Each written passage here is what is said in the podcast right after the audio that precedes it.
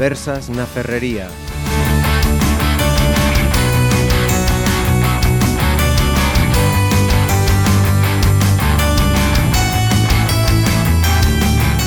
Saludos, comenzamos otro de los uh, programas de estas conversas na ferrería con un tema eminentemente estival. Hemos llamado este programa Viajamos estas uh, vacaciones. Con ese título vamos a tocar diferentes aspectos, muchas veces eh, cuestiones que se van repitiendo año tras año, otras que se agravan o se rebajan dependiendo las circunstancias. ¿Y con quién vamos a hablar de estas cuestiones?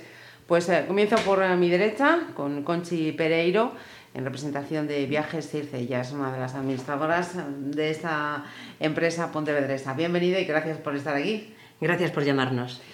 Tengo que decir que ayer cuando fuimos a preguntarle si le apetecía compartir estas eh, conversas, eh, tuvo la amabilidad incluso de buscarnos a otra contertulia, una viajera pontevedresa, que es lo que estábamos también buscando, Susi Carballal, muy Hola, bienvenida. tardes.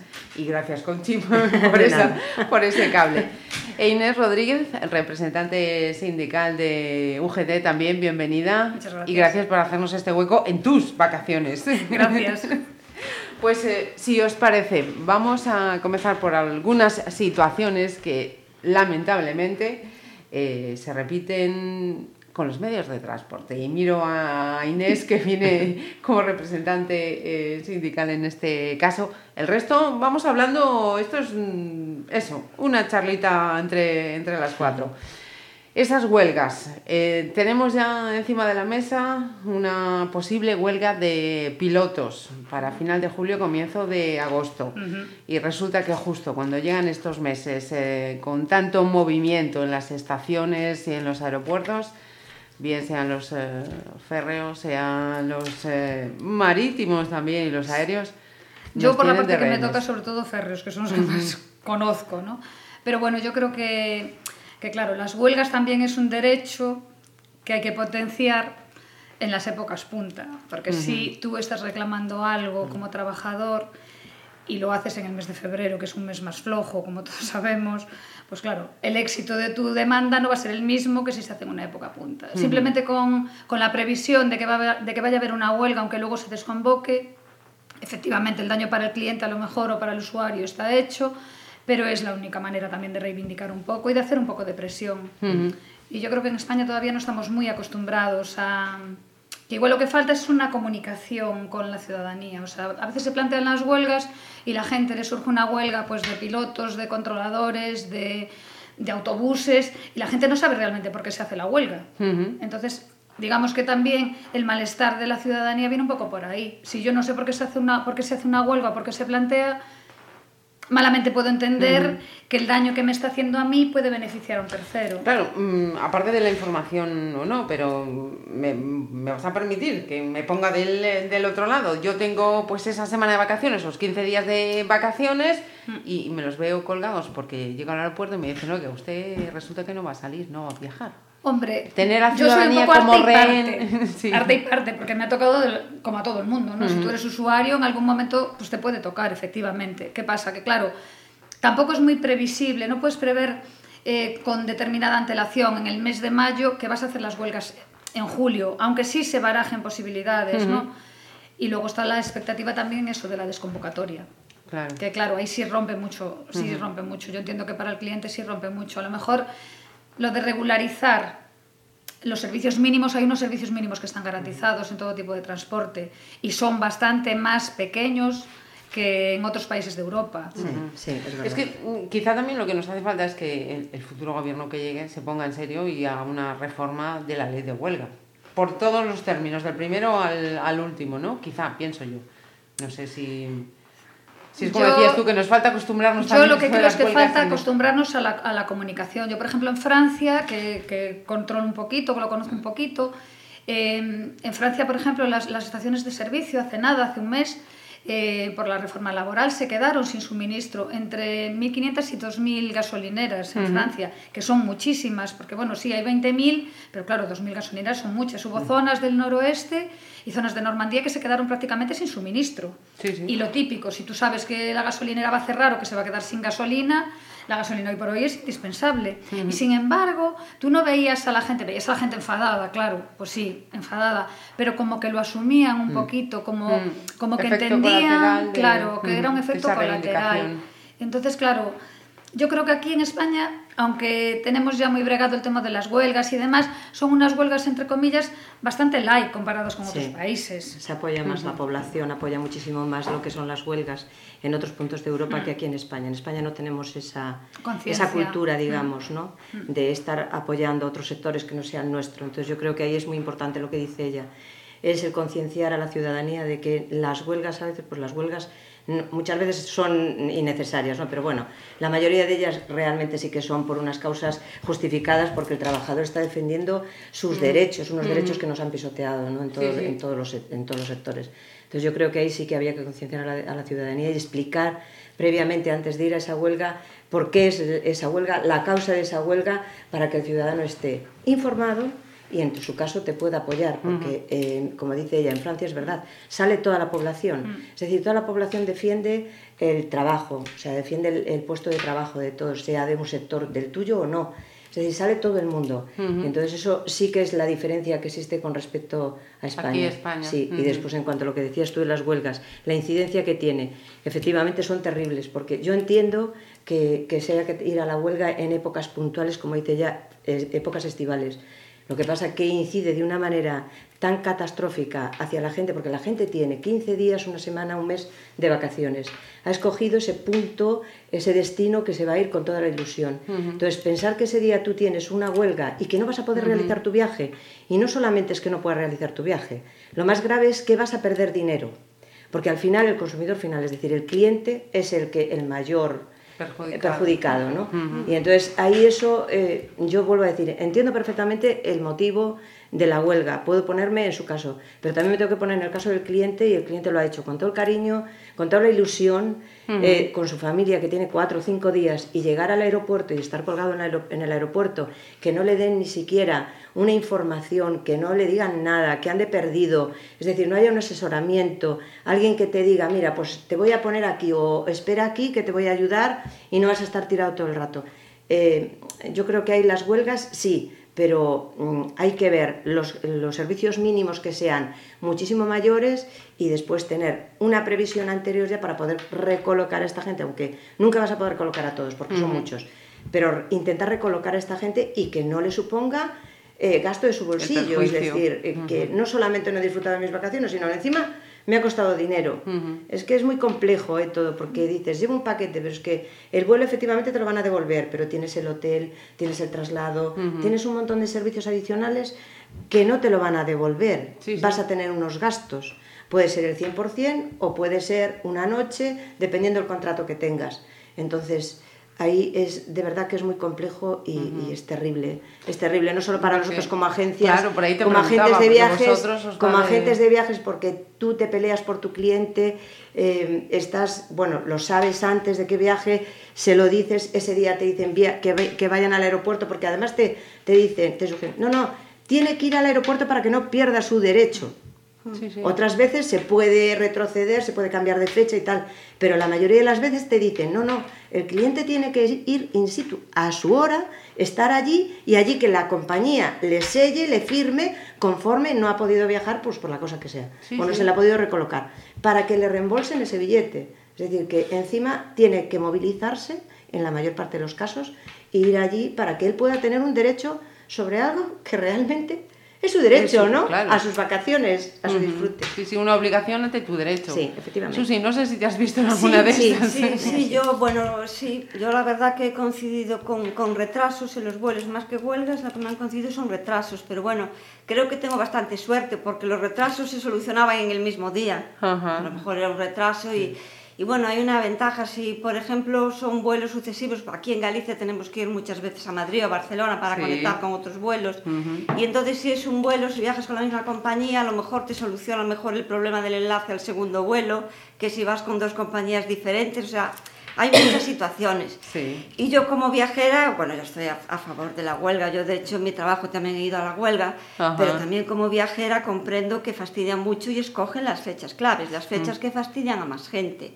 Y entonces, pues no sé, yo creo que los servicios mínimos tenían que ser más amplios y después coincido con mis compañeras en lo de la falta de información, no solo de la huelga, de los motivos de la huelga, sino de la falta de información una vez que estás en el aeropuerto y te quedas en el aeropuerto mangado, que uh -huh. nadie te informa o tardas en informarte. Hay unas colas para informarte, no te asesoran bien y entonces eso crea todavía muchísima más, más tensión. Y más incertidumbre. Y sí. luego que los viajeros, claro, tampoco tienes disponibilidad de fechas. Muchas veces tú has acordado sí, un viaje esos... en esas fechas que son esas las que tienes que ir. Y entonces, claro, si no puedes ir, pues te están fastidiando. Uh -huh. Yo los comprendo, pero claro, como viajero también me siento muy perjudicada, claro, si lógico, me coincide. Lógico. Claro, es, es difícil defender esto, es sí, difícil. Mi postura difícil. quizás es la más complicada. Sí, porque... decir, todos, todos, tienen razón, todas claro, las partes, ¿no? Claro. Lo que pasa es que en este caso estamos hablando del viajero que realmente es el último y es el que más más perjudicado sale. Claro, yo quizás las de los las de los vuelos sean todavía las más son problemáticas. Sí, son las más problemáticas, sí. porque por ejemplo en un transporte sí. terrestre tú Nada, bueno, vas a un sitio Galicia, determinado y no tienes tanto problema. Claro, aquí en Galicia estamos en la esquina Te y movilizas de otra muy manera. Mal Coges tu coche particular, alquilas un coche, tienes claro, alternativas. Aquí añadimos el vivir en Galicia. El vivir en Galicia es un añadido, porque Pero claro, tienes un transcontinental y dices, ¿cómo lo cojo? Tengo que ir a Madrid, llego a Madrid, lo que decía Susi antes. Crucero, Yo llego a Madrid y Justo, he llegado a Madrid, fenomenal, he salido Vigo, Madrid, Santiago, Coruña, el aeropuerto que sea. He llegado a Madrid, así, ah, pero llego a Madrid y, ahora... y, resulta que me quedo estancado en Madrid. Sí. ¿Qué hago en Madrid? Claro. Lo que decíamos antes de la falta de información y de asesoramiento en el aeropuerto para esos viajeros que se quedan colgados y despistadísimos y que no saben qué hacer, que van de, van de un mostrador a otro, de una persona a otra, re, y los mandan de rebote y los tienen todo el día tirados. Eso yo es creo, lo que no se puede permitir. Yo, Eso es, es lo que opinión, debería de ¿eh? cambiar. Que francamente, en el tema de lo que es el transporte aéreo, quizás sí, sí haya muchas cosas que mejorar. En el terrestre, claro, una, tienes más alternativas. Y dos, yo hablo, por ejemplo, de lo que también conozco, que además de ser sindicalista, como decíamos, trabajo pues, eh, en algo relacionado. Entonces, nosotros, por ejemplo, en nuestro ámbito, siempre, atención al cliente, la atención al cliente se respeta siempre como un servicio mínimo. Siempre hay servicio mínimo de atención al cliente. A lo mejor de venta no, porque hoy los canales de venta están muy diversificados. Tienes internet, tienes eh, vía telefónica, tienes muchas maneras de comprar, de adquirir un título de transporte. Que por eso tampoco entiendo yo mucho que a lo mejor en el avión sea condición sine qua non que tú te presentes físicamente en un aeropuerto, cuando sí. sabes a ciencia cierta, porque lo puedes que ver no. en la página de, pues de AENA mismamente, que tu vuelo ha sido cancelado por una huelga. Entonces, no me, no me parece muy normal eso que es cuando, tengas que hacer sí, acto de pero. Vamos a ver, eso es cuando tienes un vuelo que está ahí, que es, efectivamente lo han cancelado, no tienes que ir.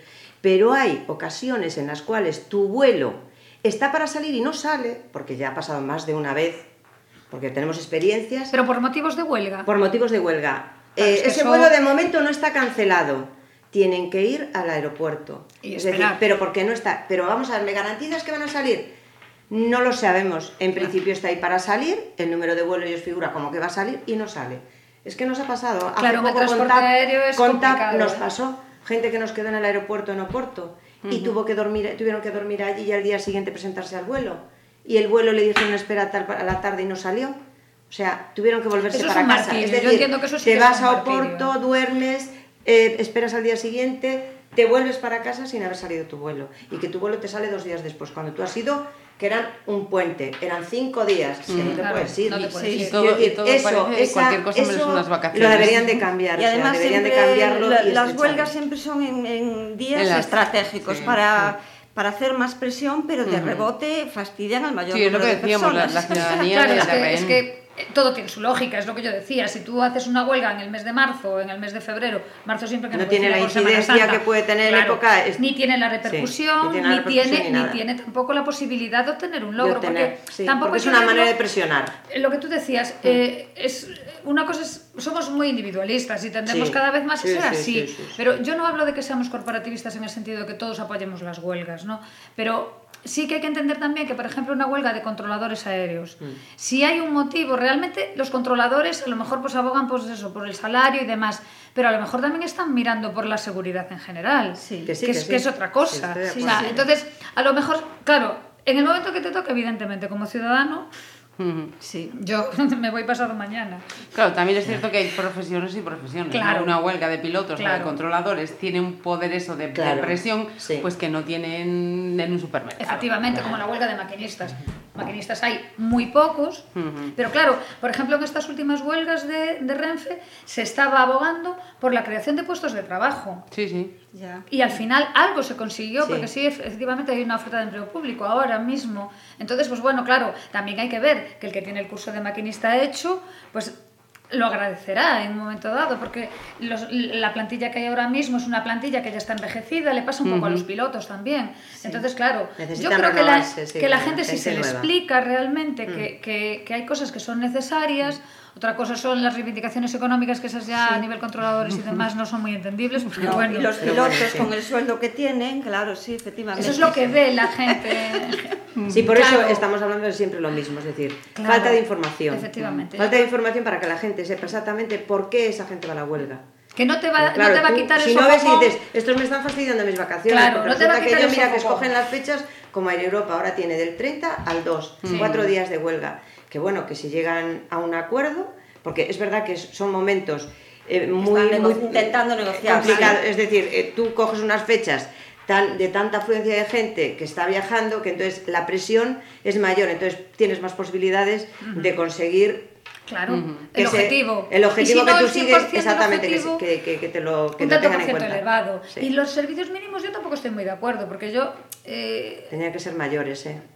En, en sí, aéreos en, sí. en aéreos... Sí. mm, yo no, no es exactamente mi especialidad, porque además aquí en Galicia como eh, los aeropuertos están tan diversificados, tan diseminados que al final yo creo que acaban sí. perdiendo, Perdiendo, eso ya se perdiendo dijo clientes, siempre, se dice que eso tenía que haber un único aeropuerto. Efectivamente, yo- Está, por ejemplo, Santiago, que es el que tiene realmente terreno para expandirse, un buen aeropuerto internacional y tal, y los otros Con dos, una buena y los comunicación otros dos por tren. para charter, para vuelos cortos, para eh, merca- mercancías, para algo así, pero tener un buen aeropuerto, fomentar un buen aeropuerto, esto llevamos años y años y años diciéndolo. Es decir, en vez de andar, eh, yo entiendo que quiera uno cada uno, somos muy localistas, empezando bueno, por ahí. sí, cada uno defiende, en la puerta de Vigo Coruña defiende Sí. eh, Coruña. Pero es, que, pero es que, mira una cosa, si hoy tienes En una los aeropuertos pasa eso. Si hoy sales de Vigo en un tren y te pones en Santiago en, en menos de una hora, en una hora prácticamente, en el aeropuerto, hora y cuarto, con una buena intermodalidad, que es, Sí. es indispensable. Es que ahora- indispensable que estén bien comunicados Claro, ahora sí y se que va a tratar el tema. transporte. De hecho, creo que van a Sí. empezar ya la intermodalidad en la de Santiago, ya está concedida y están en, en plazo y demás. No- Y que te no puedas era, ¿eh? desplazar al aeropuerto de Santiago, pues Es la- que eso es vital. Optas por irte Todas las ciudades- directamente, Claro. sin el coche y sin nada. y Pero todas las ciudades tienen buenas conexiones con los aeropuertos, menos Galicia. Es que Galicia al tú te vas a Santiago y eh, tienes que coger, ir a Santiago al centro, coger un autobús que hay desde la estación de autobuses hasta el aeropuerto, o un taxi o con tu coche. Desde la estación de tren hay autobús. Ya, y en la estación de tren también, bueno, me Sí, refiero. sí. Que, que cualquier es- eh, estación, que tú tienes que coger otro transporte para ir al aeropuerto, cuando en otras ciudades Es hay directo. directamente al aeropuerto. Y aquí debería de haber, ya hace muchísimos años, debe haber un transporte a Santiago, a La Coruña, a Vigo. Sobre todo Santiago. y sobre todo Santiago- fomentar ese gran Sí, aeropuerto que siempre se Santiago. ha demandado, que nunca se llega a un acuerdo, y entonces ha sido Porto, que siempre hablamos de lo mismo, porque siempre un año tras año se habla de lo mismo, y Oporto fue el que creció, el que aprovechó la oportunidad, tuvo, tuvo buena visión de futuro, y tiene ahora un aeropuerto como Dios manda, como teníamos que tener nosotros Sí, aquí, sí. un buen aeropuerto en Santiago, dando unos servicios a, a nivel, es decir, de líneas internacionales y nacionales como Dios manda. Pero bueno, eso como no compite a nosotros, que le compite Sí. a los que mandan, ellos mismos, ellos verán, pero yo creo que sería una, inversi- una inversión de futuro, de riqueza, y bueno, para nosotros, para todo el mundo, creo yo que eso sería muy importante. Yo lo de los servicios mínimos en, en- en eso, en el transporte aéreo, sí, a lo mejor sí, sí se podría. No sé hasta qué punto es modificable tampoco, ¿eh? no, no es mi especialidad. Pero en el terreno, en el terreno de, de Renfe, por ejemplo, estamos muy por encima de cualquier país europeo ¿eh? En servicios mínimos. En Por ejemplo, aquí sí. en, en Bueno. media distancia, Sí. cuando hay huelgas, prácticamente se suprimen dos trenes en cada sentido. Y normalmente no son los de hora punta, suelen ser trenes pues, en unas franjas horarias que tampoco son las más lesivas para el ciudadano. Entonces, Que no repercuta tanto. claro, que no repercutan tanto. Hombre, evidentemente, si llegas a coger un tren a las 2 y no tienes el tren de las 2, pues es como todo. Te va a fastidiar. fastidia, pero sí. bueno, tienes un tren a la, a la hora o a la media hora. Entonces, no es es, como el vuelo. es el vuelo es sí. muy complicado. Sí, cada no medio vuelo es un- cada es un. Sí, porque enlazas con otros vuelos, que es el problema que yo decía. Vas de aquí, tienes que enlazar con otro vuelo y a lo mejor aquí consigues salir con dos horas de retraso, pero no enlazas con el vuelo de Madrid. Claro. Entonces ya perdiste Ya el vuelo. perdiste, sí. Claro, o Es sea que que, perjudican complicado. a muchísima gente. Y, y otro de los clásicos del, del verano. Mira, Susi, Sí. porque igual le ha tocado sufrirlo varias, varias veces. Eh, decía Inés eh, que el transporte aéreo tiene muchas situaciones que solucionar. Me imagino que lo de la pérdida de las maletas. Sí, la pérdida de las... A mí perdérmelas, o sea, si me las tienen mandado a casa al día siguiente, más de una vez, sí. Y en una ocasión me quemaron la maleta. Se quemó toda por la parte de arriba y se quemó el neceser que estaba en la parte de arriba. Entonces esto fue, pues hace años, era un vuelo a Cuba. Ujú. Y entonces me tuve que presentar en el mostrador de Iberia, hacer la reclamación, y luego me mandaron volver con una maleta y un neceser similar, y de aquella tuve que llevarlos físicamente, Sí, allí sí, la sí. maleta y A el también me neceser, pasó y también me- Y, y me dieron el dinero, me reembolsaron el dinero, sí, sí. Pero te, te interfirió en tu viaje? No, per- porque fue a la vuelta, fue a la vuelta. Te interfiere, yo, sí. La, la la ida sí. maleta, claro, a la ida es cuando te, Sí. te causa el perjuicio. el trastorno, a, la, sí. a la vuelta, pues tarda también en llegarte a casa un día o dos, pero bueno, ya estás en Ya tu estás, casa. ya has Entonces, el disfrutado. trastorno es diferente, sí. Ya sabe distinto, tiene un sabor diferente. De todas maneras, diferente. yo también tengo algo que decir ahí. Yo creo que en España, conforme no tenemos la conciencia de muchas cosas, tampoco tenemos la conciencia de la reclamación, de encauzar las reclamaciones. Muchas veces no sabemos ni dónde ni cómo. Ujú. Y ahí sí que tendría que haber, bueno, yo creo que ahora, por ejemplo, FACO, estas organizaciones de consumidores están tienen, haciendo un buen sí, trabajo, sí. pero la gente mm, llega muy despistada y a veces plantean las reclamaciones. Yo Y a veces hacen, vosotros- hacen reclamaciones absurdas que no deberían de hacer Claro. y las que realmente deberían de hacer no las hacen. Efectivamente. Nosotros hemos, eh, hemos hecho muchas reclamaciones por nuestros clientes, es decir, Mm. el cliente viene y dice, es que no sé tal, véngamela tú, y al final terminas redactando tú, preguntándole tú todo y haciéndole tú toda la reclamación. Pero eh, de, yo qué sé, pues el 99, coma tal por ciento las haces tú. Y el resto las hacen ellos, pero muy pocos. Ya te digo, es porque no saben y dicen, "Ah, no, Adu, tú que tú ya sabes, ah, redacta. Y te estás tú en el medio preguntando, ¿y qué te pasó? ¿Y qué hiciste? Y tal. Claro, porque necesitas tener toda la información. Sobre todo las agencias que Se las tramitamos nosotros, se Sí. las tramitamos nosotros, pero bueno, que es una cosa que debería de tramitar el cliente. Claro, Que no es es, que- cosa nuestra, pero bueno, al final ya te digo, Lo haces. lo- eh, se lo haces como un servicio más y tal, pero sí, efectivamente, Claro, es que- no tienen, no tienen esa, esa costumbre ni, ni, ni No, esa no, no, información, no, no, no la ni tenemos, de cómo no. hacerla, ni esa culpa de, de- del De reclamar. reclamar por lo que es tuyo, Porque además que reclamar in situ, es decir, en el Claro. aeropuerto tú, con lo que le Sí. pasó a Susi o a ti con el equipaje. Nosotros estamos cansados de decir, cuando, te, cuando recojas el equipaje, si no te llega o te llega, mira que esté, si está deteriorado, te lo han roto, antes de salir del espacio del aeropuerto, Sí. puedes reclamar, pero como salgas con tu maleta, olvídate de volver. Y cuanto antes mejor. Y olvídate de volver porque no tienes ningún derecho. Es decir, una vez tú pasas lo que es eh, la zona portu eh, o sea, eh, Sí, de aduana, en este sí, de aduana antiguamente. no, el edificio en sí, físico, una vez sales, olvídate, no vuelvas a entrar porque no tienes derecho a nada. Mm. Entonces se le dice a los clientes de, mira tu maleta, que esté bien, que tal. Si no está bien, vete al mostrador de, factura, de, la, de la compañía aérea, pide la hoja y haz la, La reclamación. reclamación. la reclamación correspondiente. Porque si no, no tienes derecho, o pérdida de equipaje, cualquier cosa. Se lo decimos muchas veces, se olvidan y llegan después y dicen, mira, que es que la maleta estaba rota. Y hiciste la reclamación. No, porque claro, me di cuenta cuando iba al coche. Digo, pues, eh, y vine a casa. Digo, bueno, pues ahora ya nada. Pero es que pasa ¿Y lo ¿Cómo mismo no tú- puede ser? Pues sí que puede ser, porque en un eh, pack hay unas... profesional, tú compras un pack de hotel y si no te ofrecen, tú llevas pues una habitación con vistas al mar, llegas allí no te la dan, lo lógico es reclamar al hotel, Sí, no reclamar a la agencia. Y aquí Nos llaman a la nosotros. mayoría Ah, sí. llaman no, a las lo arreglas tú todo, es decir, cuando hay huelga, estás preocupada por tus clientes, Claro. lo pasas muy mal, porque tienes que buscarle ubicación, tienes que ver que no le pasen los gastos, los gastos menos posibles, es decir, tratas de que el cliente lógicamente sea el menos, el que menos sufra y, y tratas de solucionarlo dentro de tus posibilidades, que estás con el teléfono todo el día colgado, es, es un estrés, nuestros clientes es verdad que lo pasan mal, pero nosotros debo decir Sí, que sí, de sí, verdad, porque, bueno, de verdad lo pasamos fatal, porque No, lo que tratamos es en de el que el medio cliente entre la y no, y compañía claro, y y- para ti lo importante es tu cliente, entonces tratas de solucionarlo Y los todo. clientes también se desaniman Sí. un poco, porque Sí. yo estoy pensando, por ejemplo, yo misma, primero fue la huelga de Vueling y ahora se anuncia la huelga de, De- Europa. de Europa, sí. Y yo me voy pues el día 26 de viaje, el 25 me voy El de viaje. 25, Entonces sí. yo cuando dijeron lo de Europa, dije, bueno, creo que voy con Iberia, menos mal.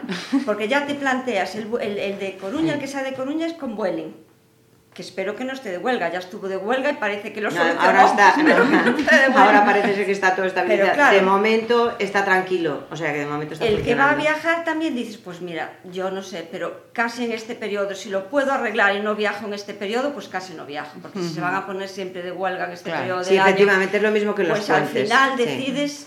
Casi no viajar. Y la gente lo piensa, porque cuando viene Se Semana piensa. Santa, que es muy propio también, o en el Puente de la Inmaculada, que ha pasado más de un año, es decir, la gente ahora se lo piensa y dice, es que no sé si coger y, y ir en el Puente de la Inmaculada, porque claro, si pasa como siempre, que convocan una huelga, ¿tú crees que convocarán? Claro, Tú dices, yo qué sé, yo espero que no, es que sí, ahora- claro. ahora que yo espero que no. La eh, bolita. Pero claro, pero no lo sé, es que realmente es complicado. es ¿eh? complicado. Porque ¿eh? no ha sido la primera ni la segunda, es que ponerse- años ¿Qué va a pasar? que Es va a ponerse de huelga. Es muy complicado. Entonces, si ya no tienes el vuelo acordado, yo ya no lo cojo, ante el temor a que se Sí, sí, pongan claro. de. No, no, y le no pasa a mucha gente, sí. Claro. Y, y otra cuestión más, así hablando de, de previsiones y de situaciones típicas del verano. Esto de este verano parece que nos, que nos vamos librando. Lo de la subida de carburantes que también tiene vuestra repercusión Sí. en las agencias, Sí, ¿no? sí, Preparáis paquetes con un viaje, con un precio, perdón, pues ya determinado en febrero o en marzo. En ese tiempo hasta hasta, 20 verano. días, 25 días sube- antes te lo pone, además en condiciones generales, lo ponen todas las mayoristas, es decir, 20 días antes, hasta 20 días antes está susceptible de cualquier variación en el, por el combustible. Ah. Que no debería ser así, pero ellas te lo repercuten. Y si no te lo paga el cliente, el cliente tú se lo tienes que decir. O sea, tú una vez te haces la reserva tienes que avisarle Avisar, previamente que- y por escrito de que es así. Y aún así, pues los clientes siempre protestan. Y claro, es que si no lo pagan ellos, lo pagas tú. Es Es, decir, eh, por ahí va, sin por ahí cobrar no se va a quedar. Entonces, Pues lógicamente, A mí eso sí que me Es parece. terrible. Sí que me parece como consumidor, me parece inaceptable. Porque Eso andamos luchando siempre las agencias y siempre o sea, protestamos siempre, huelgas, pero es Hay igual. un derecho detrás, hay un Sí. demás. Pero el tema de que, de que no haya realmente una regulación Sí. para que se mantengan unos precios Mm. en, pues en épocas punta, por ejemplo. efectivamente, Porque que el yo no- combustible el barril de Brent no tiene creo que por qué suba de hoy repercutir para en un precio ya fijado, no debería de repercutir. Es muy porque curioso, es un precio fijado claro. que ya está y tú lo has aceptado tal cual. Es lo que luchamos siempre, llevamos años también diciendo. El tema del combustible, pues no debería de ser así. Es decir, tú has sacado un precio al mercado, pues ponle ese tanto por ciento más en previsión a. No le hagas después, si sube el carburante te lo voy a subir. No, pues coges, pones el precio, ese tanto por ciento, 0,5, lo que sea por ciento más, Sí, que lo se lo incrementas, se lo incrementas, el cliente ya le das el precio real Mm. y no le tienes que estar diciendo, mira, es que eh, 20, 25 días antes eh, te, Te voy puede cambiar el 200, precio, te voy a cobrar 100 te voy a- euros. porque 100 o 150, dependiendo del destino, Claro. porque esa es otra, dependiendo del destino, pues es 75, 100, 150, A mí eso sí me sea, parece o a re- 200. un tema regularizado. Yo creo que Sí. eso se puede arreglar de esa manera, es decir, cada mayorista, en el momento que eh, realiza eh, pues el- el- los folletos, los está eh, haciendo, Imprimiendo, sí, en la no, está, claro. está haciendo cada viaje, está conveniendo cada paquete, pues que le incremente, que tenga la previsión esa del, del carburante. Y no me vengas después diciendo esto, lo incrementas, sale con este precio, sale con el precio de partida, pues en Si de que lo 1200, tomas o lo dejas. porque salga a 1300 y ya está, ya la tienes. No vas a perder, porque ellos no van a perder. No, eso está claro que ¿Eh? no. Entonces, está clarísimo que no. lo- el, el paquete es verdad que el embolado nos lo traspasan a las agencias, que Claro. somos los que realmente tenemos el tú a tú con el cliente y al que tú le tienes que decir todo. Ujú. Y se lo tienes que contar. Y a quien le tienes que mira, que te ha subido tanto. Y lo pasas mal, porque realmente le tienes que decir, mira, ya no le es barato. Y aún encima tú le tienes que decir, mira, es que ha incrementado por el incremento del carburante, tu viaja entre 1200 de 1.200 o 1.275 o 1.350 por persona. Entonces, Es que claro, es- es- dice, hombre, es que yo, claro, yo contraté este precio. Aunque le has avisado previamente, él ya te dice. Sí, pero bueno, eso es se que yo he olvida. contratado este precio, yo te lo Claro. dije, pero no te acuerdas que yo te dije. Eso se es complicado. Entonces yo creo que eso lo, lo podríamos, se podría Solucionar. solucionar. Hombre, ahora cada vez es menos, ¿vale? Eso hubo años que sí que era todos los años. Sí. Ahora ya cada vez es menos. De todas formas, yo creo que, que hay una solución ahí en vías, porque esta mañana leía en, en- en una red social eh, un artículo de, no recuerdo de qué, de qué periódico era, era algo, un periódico digital, y hablaba de la posibilidad de no disfrutar las vacaciones a la americana. O sea, la nueva contratación, la nueva contratación que se hiciese, pues sin vacaciones. ¿Tú quieres vacaciones? Bien, te vas ese mes como se hace en Estados Unidos, Ajá. no funciona mucho eso. Tú te vas, pero no cobras. Pero no cobras. Ops. Entonces, a lo mejor estamos hablando de un futurible que ya nos va a dar igual hacer huelgas que no, porque si no tenemos vacaciones no nos No vamos nos va a ir. O sea que aquí pasamos de que en algunas empresas te paguen las vacaciones, incluso disfrutándolas, te paguen a mayores un plus para que tú disfrutes de las ahora vacaciones el futurible- a no tener nada. Es Y decir, esto ni cuando el río plus, suena- Ni, ni, ni, cobrar, ni cobrar el mes.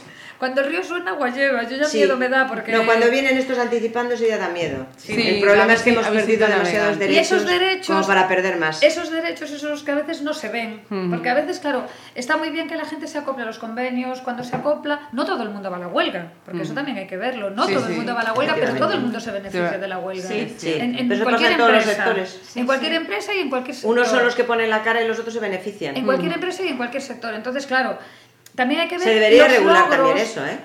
Los logros que hay. Porque tú estás Pues luchando por, sí. por un salario mayor Pues Y perdiendo una serie de- ese de- salario, perdiendo los días dinero, que te Porque el- la empresa, la empresa sí efectivamente sale perjudicada con las huelgas. Yo entiendo que a nivel Sí, porque us- son pérdidas, Claro, son pérdidas, porque tú en el contrato que tienes con el cliente le vas a reintegrar ese contrato, sobre todo en los medios de transporte, es lo que tú dices. Otra cosa son los packs, pero lo que es el medio de transporte, eh, el cliente tiene un contrato con la empresa y la empresa si el si el servicio no se cumple, le va a reintegrar el 100% o le va a ofrecer la posibilidad de recolocarlo en el siguiente eh, pues vuelo, en el siguiente tren o en el Sí, siguiente sí, sí, como sea, pero siempre tienen la posibilidad de recuperar el 100%. Pero claro, Los otros servicios, ¿qué pasa con ellos? claro, los otros servicios, ¿qué pasa con ellos? Ahí ya...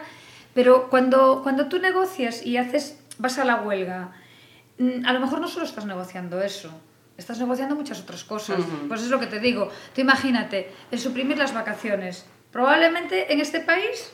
Si hubiese una manifestación para que no se suprimiesen las vacaciones en cualquier tipo de empresa, Salíamos pública, todos. privada, yo creo que saldría todo el mundo. Yo creo que sí, Sí, quiero porque- pensar. sí. Quiero, Quiero pensar, pensar, que sí. también. a- Yo quiero pensar lo que, que sí, dices ¿no? tú, habrá gente a la que se le abone un plus y a lo mejor le interese, pero yo creo que son los menos.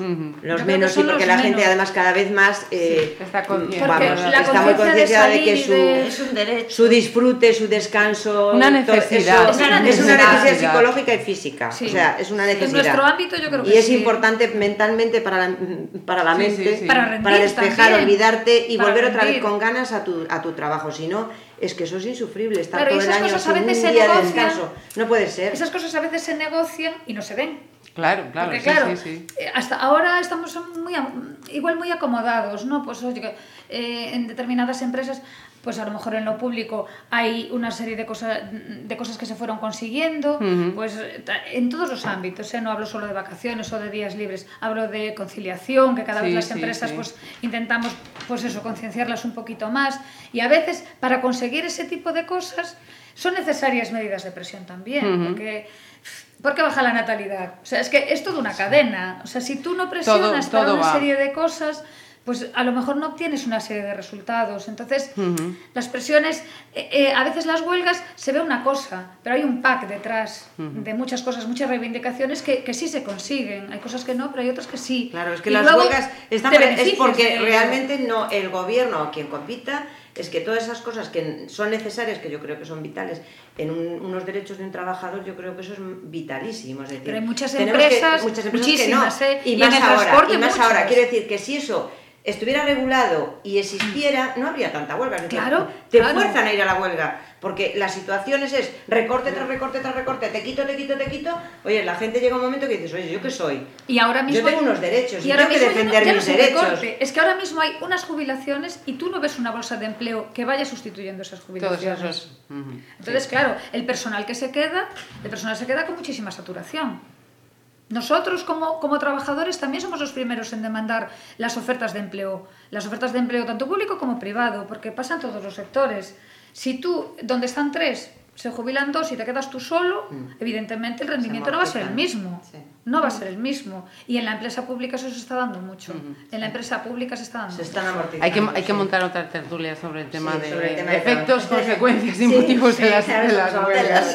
de lo que es eh, Yo lo la siento época por los estival, vacaciones. yo Hablamos de vacaciones ahora, así que vamos Sí, a hablar de vacaciones. Yo me he que pasado yo creo que es mucho más, mi billete de avión, también vuelo con mucho más gratificante. ¿eh? Crucemos, crucemos los dedos. Los dedos. Quería preguntar, eh, con las circunstancias que estamos viendo en nuestro entorno, pues venimos ahora mismo de ver lo de Niza, lo de Turquía. Sí.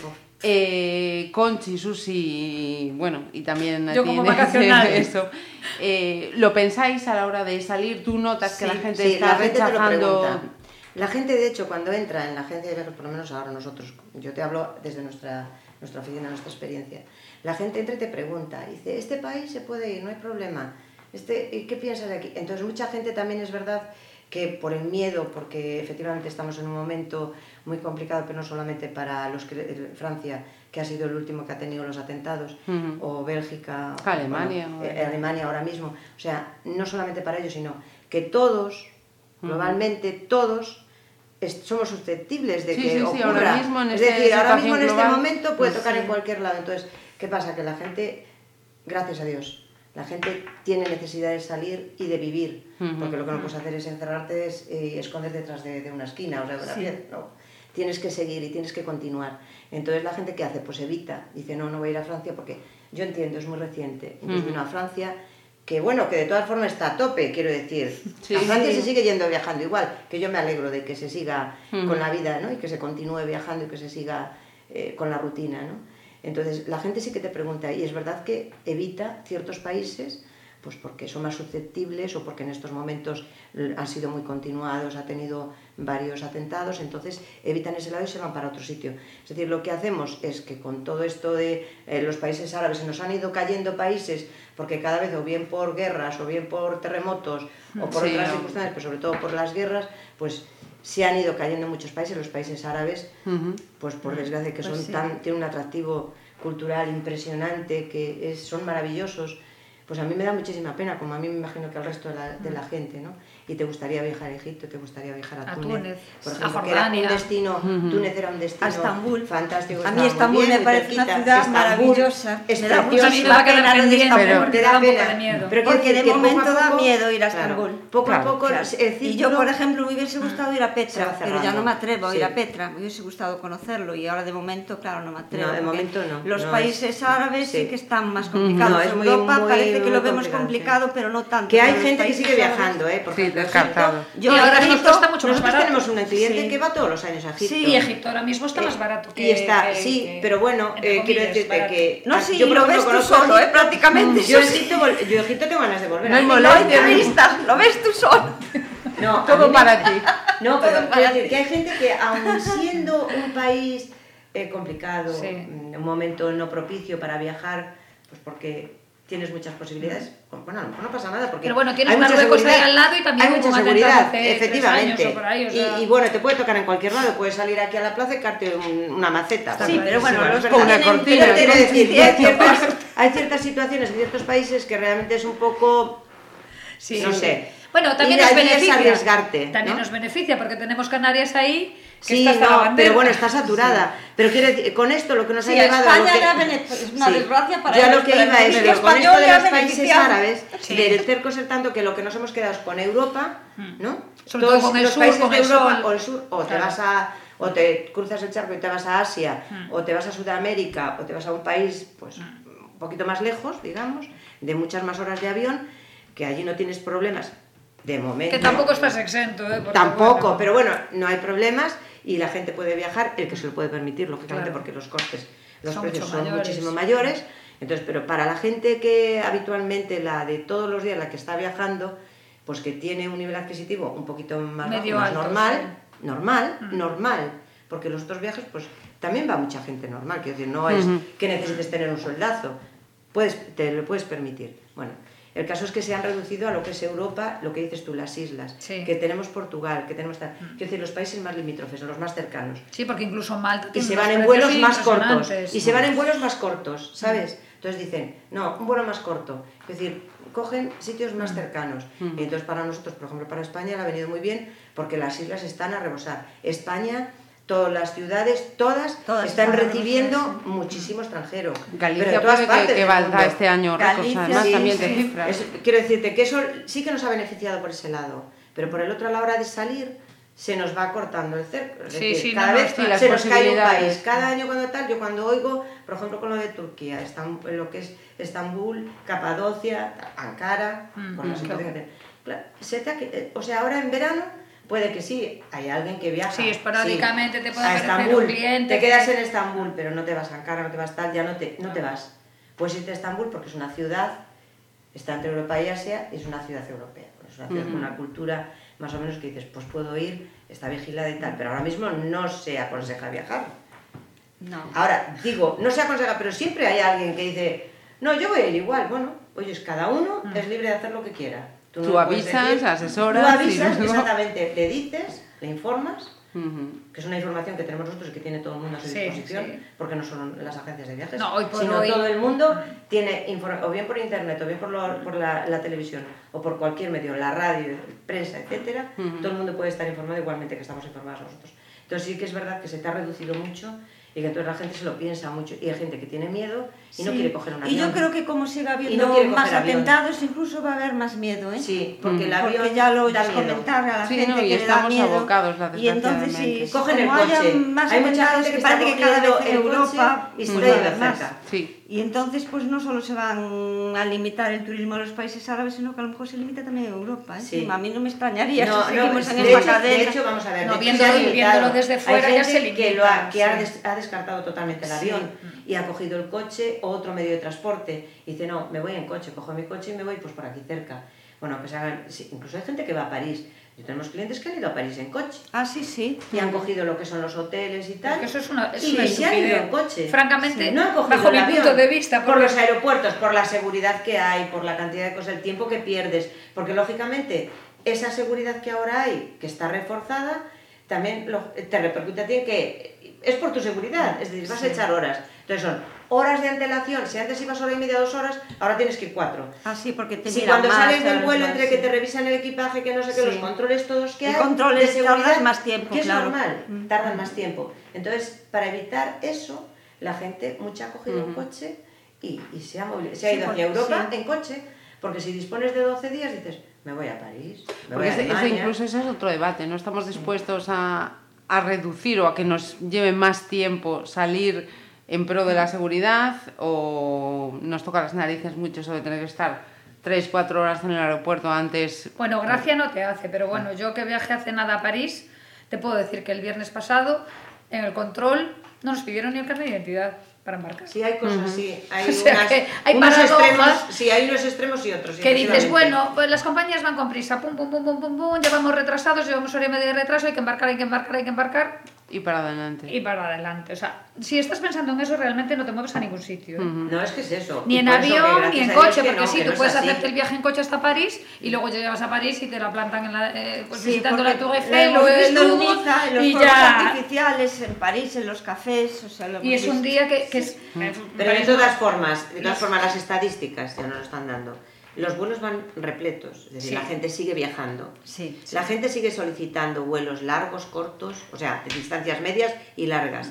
La gente sigue moviendo igual porque no le queda otro remedio. Muchos es porque su familia está cruzando el charco, otros porque están Pero eso otros pasa por siempre. trabajo también, que yo trabajo, por tal, la vida continúa. Entonces la gente, A ya mí vuelvo me a decir, menos mal que tenemos esa capacidad de superar Sí, y de sí coger y hacer un paréntesis y decir, la vida con- tengo que viajar. Sí, Quiero viajar porque razón. no puedo estar pensando que va a ocurrir siempre. Evidentemente que hay, eh, está la, la posibilidad, sí, pero bueno. A mí me tocó trabajar Ah. al día siguiente del accidente del Albi, el 25.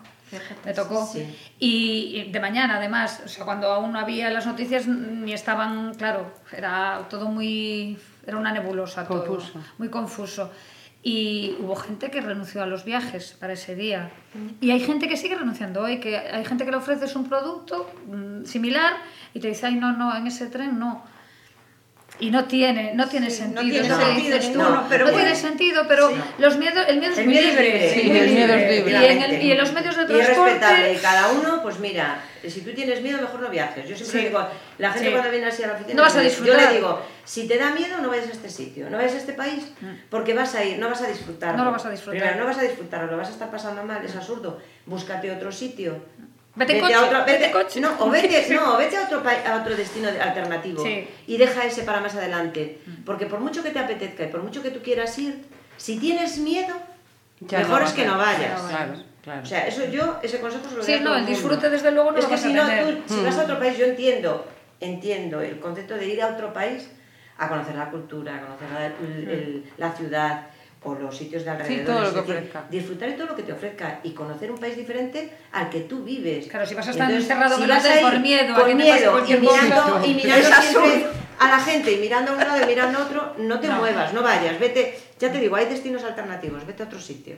Ahora, hay sociedades que sí que son más proclives al miedo. Por ejemplo, Estados Unidos, con lo que pasó ahora en Niza, eh, los estadounidenses, para eso sí que son, era lo que decía ella, que a lo mejor se acota incluso Europa.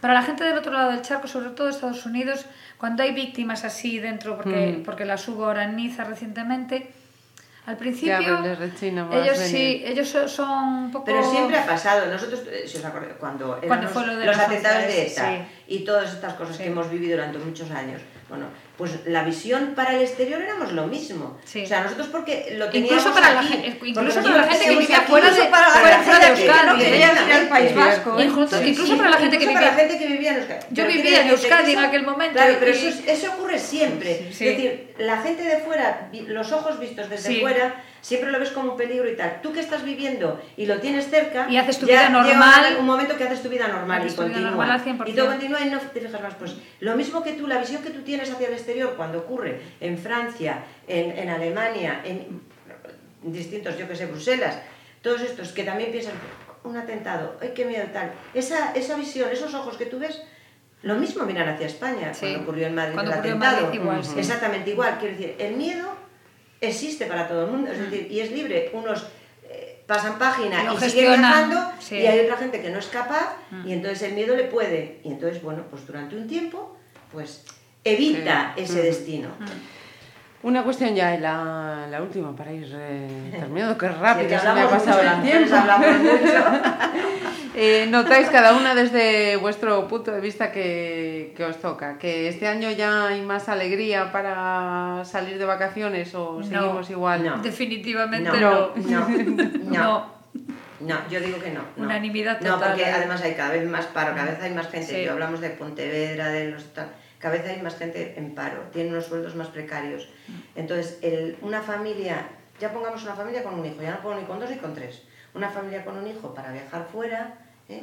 Si gana 900 o 1000 euros o 1200, no le da, porque hay No tienes la prioridades, capacidad de hay ahorro, prioridades claro. y los gastos son los gastos y la vida pues no es no es que sea cara porque no es muy cara pero tienes Sí, que gastar tienes que comer tienes la Las vivienda, vacaciones son coche, un extra, son un extra. que y tienes siempre que va a quedar para el final. Lógicamente siempre va a quedar Claro, para el final. la capacidad ¿Qué de ahorro es muy que también es verdad que la gente tiene más cultura de viaje y de disfrute de Ajá. tiempo libre. Sí. entonces la gente se sacrifica y dice yo Menos me voy días. un fin de semana, aunque sea me voy un fin de semana, tres, cuatro días, no me puedo ir una semana, pero me voy tres días. Voy a intentar desconectar y disfrutar, porque la gente valora más el tiempo libre y el disfrutar ese momento con su familia, sus amigos, con, con quien sea. Sí, pero salir, y entonces eso sí que lo prioriza.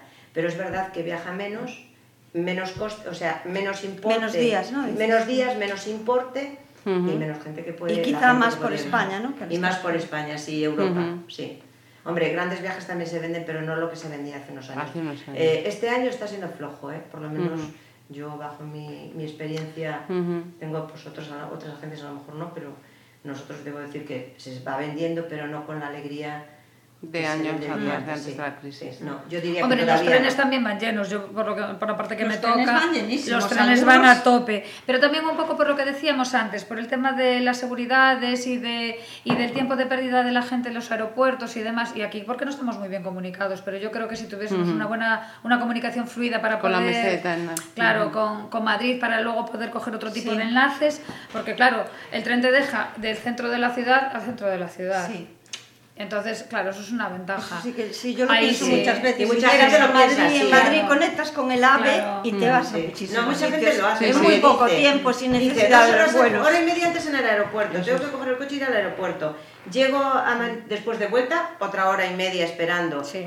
El vuelo es verdad que es corto, pero si empieza a sumar, dice Son cuatro puerta horas, a puerta. o cinco no, no, horas. puerta a puerta. Sí, sí, sí. Dice, cojo el tren aquí en la estación, estoy en el centro, lo que dices tú. Mm. Centro de ciudad, hotelito en la ciudad y ya está. Hombre, otra cosa es que te vayas a otro punto, hacia Europa, que tienes que coger el Ya, avión. es más ¿Por qué? complicado. Porque ganas en tiempo. Mm. Es decir, ese día estás allí y ya es un día Pero ganado. bueno, todo Sí, llegará, ¿eh? Porque yo te digo que si tú tienes un tren que te pone en cuatro horas en Madrid y luego un, un vuelo a donde sea Vamos de, a ver, de en la estación momento- al aeropuerto son 11 En minutos. el, momento que, en el momento que esté funcionando en el 2018, ese, ese que va a ser un talgo, un talgo de- de- la- o sea, rápido, Sí. yo digo que no es un ave, va a No, ser un por ave la no. Ave- no va por la orografía es así, es un talgo rápido de estos, eh, que sí que es verdad que mucha gente va a viajar en Va a tren. optar por el Sí. Va a optar por el tren porque el Está en función también de los precios, ¿eh? porque, Sí. porque mucho Bueno, tiene ahora que hay mucha mejorar. guerra. Ahora hay mucha guerra de- para de, que- vuelos baratos, de vuelos de bajo coste. Pero bueno, Madrid sigue siendo un destino también que los vuelos no son tan baratos, ¿eh? Por lo que No, yo Pero te, digo, también hay tarifas, tarifas muy buenas a Madrid en tren. Claro, Tienes claro. tarifas fantásticas, Claro, es que quiero eso- decirte que ahora estamos hablando de tarifas, eh, recordamos, tú lo recordarás, hace muchos años, los vuelos lo que costaban, los trenes lo que costaban, Sí, sí, y la gente sí. pagaba el tren. La gente se se queja queja- mucho, pero, pero realmente lo- sí Le que es dices a verdad que Madrid se treinta y tantos euros, digo, qué caro, digo, hombre, por Dios. Sí. O le dices un vuelo a Madrid, le dices, mira, un vuelo a Madrid, 110 euros, o 90 y tantos. ¡Buf! Sí, sí es cierto. Incluso en 75, a veces cuando están en menos precio, 50, 60, dices 50, jo, buf, digo, pero vamos a ver, es que es un avión, un avión hay que Sí, cuesta, sí. hace el viaje, haz viaje en, dinero. en coche y cuenta la gasolina. Me cuesta dices a ver si es caro o es barato. Hemos vuelto, Sí. hemos, bueno, hemos Y la acostumbrado las redes, Eh. todo esto, las, las, las empresas estas de bajo coste, las compañías de bajo coste, todo esto juego de precios y Mm. tal, esto, esto yo creo que Pero ahora tienes no mucho es donde escoger. no Tienes es mucho, rentable. Tienes mucho donde escoger. Ostras, que si tienes donde Pues yo escoger. creo que lo que se incrementó mucho viajan porque muy barato. mejor son la conexión Vigo-Coruña, los trenes rápidos, esos van a tope siempre, Siempre, ¿no? sí. Hay, hora, hay horas también, Vigo, horas puntas. sí, Sí, Villa sí, sí. García. Y nosotros. Bueno, Pontevedra, Villa García, Pontevedra, está Coruña. Pontevedra cada vez está- peor. Pontevedra cada vez está peor. ¿Por qué? ¿Por porque qué? sí, porque tenía trenes, el tren de el Talgo a Madrid, el de Ah. noche no está todos los días. El, El noche no circula los sábados. Pero quiero decir que eh, cada vez, en vez de, Ese tren- ese en vez tren de, es en vez de un- incrementar, sí, es que ese tren es una carraca vieja. Es que ya no existen Porque, comunicaciones. bueno, es que yo recuerdo eso es otro tema también sí, a es tratar. Otra tertulia más. Yo recuerdo, yo recuerdo hace años, años y años diciendo siempre que nos iban a cambiar ese tren y nunca se cambió. Es que en España nunca se, Nunca conserva- se- no se nunca. conservan las, las- las circulaciones nocturnas. De hecho, se suprimieron prácticamente todas. Desde Barcelona había un tren directo a Sevilla. Pero mientras no tengamos por un tren Madrid. más, más rápido, hija. Pero el, el- el tren nocturno ahora mismo circula vía León. Sí, ya lo Vía León son llega- 12 tarda horas de viaje. 12 horas de viaje. Entonces, claro, Sí, es en el siglo XXI tú le dices a un cliente que va a tardar 12 horas en hacer 800 kilómetros, pues un poco más por esa ruta, Buah. pero bueno, claro, Es es un poco incomprensible. Entonces, claro, pero bueno, hay muchas conexiones de día. No, Sí, lo que me hablas Sé de- qué va ese tren. Ese tren es terrible. Pero lo reclama En fin. mucha gente. ¿eh? Sí, hay Es mucha que no gente te queda más remedio. Como quieras eh, viajar hacia el este peninsular, no te queda otra. No te Claro, queda porque llegas a todo Madrid por la por la mañana, mañana y entonces claro. tienes para enlaces, para gestiones para un han- montón de cosas. Bueno, pero han hecho han hecho algo, claro, a Pontevedra sí que a lo mejor no la beneficiaron No. desde Santiago, Desde Santiago, sí hay claro, comunicaciones, antes, pero volvemos al mismo tema del aeropuerto. Todo estamos se igual. centra en los mismos sitios, todo se centra en los mismos sitios. Todo es lo mismo que tener una vía como tenemos ahora, Uy, si fuera en el aeropuerto una vía nueva Santiago, no se ha centrado, ¿eh? y que no y que los trenes de larga distancia no nos pasen por aquí. Eso es una reivindicación de la estación de Pontevedra desde hace mucho tiempo. ¿Por qué no pasa por aquí en Barcelona? Exactamente. ¿Por qué Sí, no? tienes que ir a Vigo. Tienes que ir a Vigo, efectivamente. Así es. Pero porque somos una ciudad pequeñita y no nos tienen muy en cuenta. Pues además de vacaciones, tertulia reivindicativa. Con ese broche, con ese broche terminamos. Inés, Susi, Conchi, de verdad que ha sido un placer, que me lo he pasado Gracias, divinamente. igualmente. Y esperamos Sí, también haber igualmente. entretenido a los Igualmente, lo oyentes. Gracias. Gracias. Gracias.